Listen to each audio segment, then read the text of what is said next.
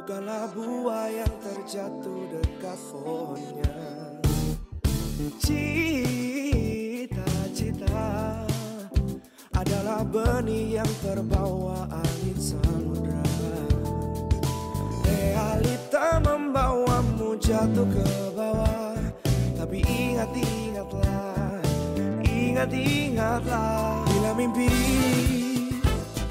tak sejalan dengan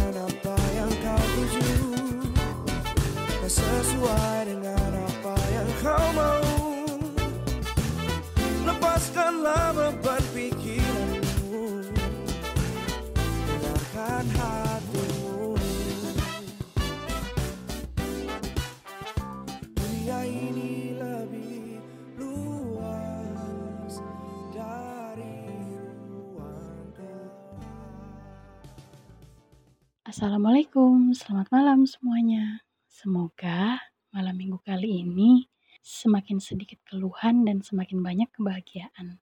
Amin. Hidup itu berat, tapi semuanya harus kuat.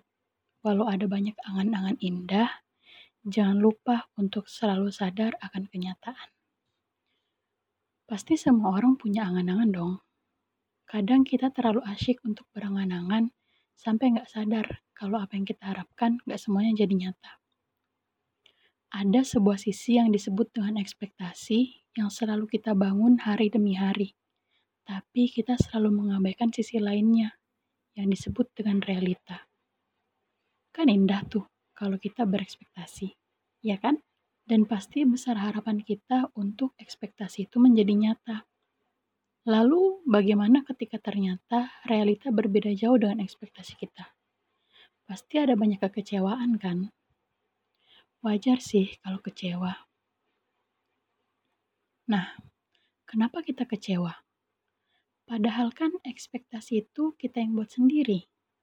Kita yang ngebangun sendiri, dan kita juga pasti sudah mempersiapkan realita yang kita inginkan. Ya, balik lagi, itu tetap ekspektasi. Sadar gak sih? Kecewa karena ekspektasi nggak sesuai realita itu kita, karena kita yang terlalu berharap. Kita sendiri yang terlalu menggantungkan dan menempatkan ekspektasi terlalu tinggi. Dan yang sering kita lupakan adalah sehebat apa pun kita berekspektasi, ada realita yang nggak bisa kita kontrol. Emang ada banyak ekspektasi yang pastinya sesuai sama realita yang kita alami. Tapi masih ada lebih banyak ekspektasi yang hanya tinggal ekspektasi. Ya, karena realitanya jauh bertolak belakang. Ketika ekspektasi sesuai dengan realita yang dialami, wah, senangnya pasti bukan main. Tapi, ketika ekspektasinya nggak sesuai sama realita, nah, ini nih yang jadi masalah.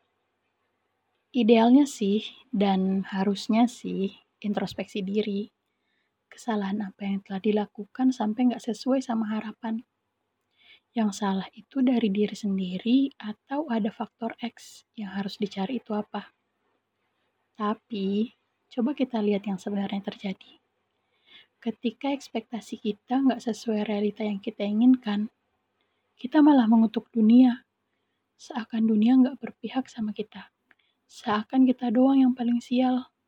Seolah dirinya nggak ada guna, harapannya hancur, hidupnya bakalan hancur, dan paling parahnya sampai marah sama Tuhannya. Seakan Tuhan udah gak sayang sama dia. Ya gimana ya, saya juga sering mengalami itu. Banyak ekspektasi saya yang jauh dari realitanya.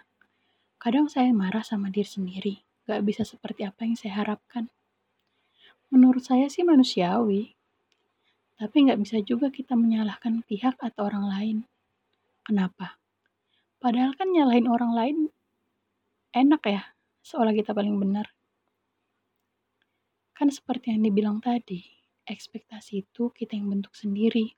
Jadi kalau nanti ujung-ujungnya kecewa, ya itu karena kita sendiri, bukan karena dipengaruhi orang lain kan untuk berekspektasi tinggi. Semua yang saya bicarakan bukan malah membuat kita tidak berekspektasi. Berekspektasi menurut saya adalah salah satu tantangan hidup. Dan itu yang membuat hidup jadi lebih banyak ceritanya. Boleh banget kok berekspektasi.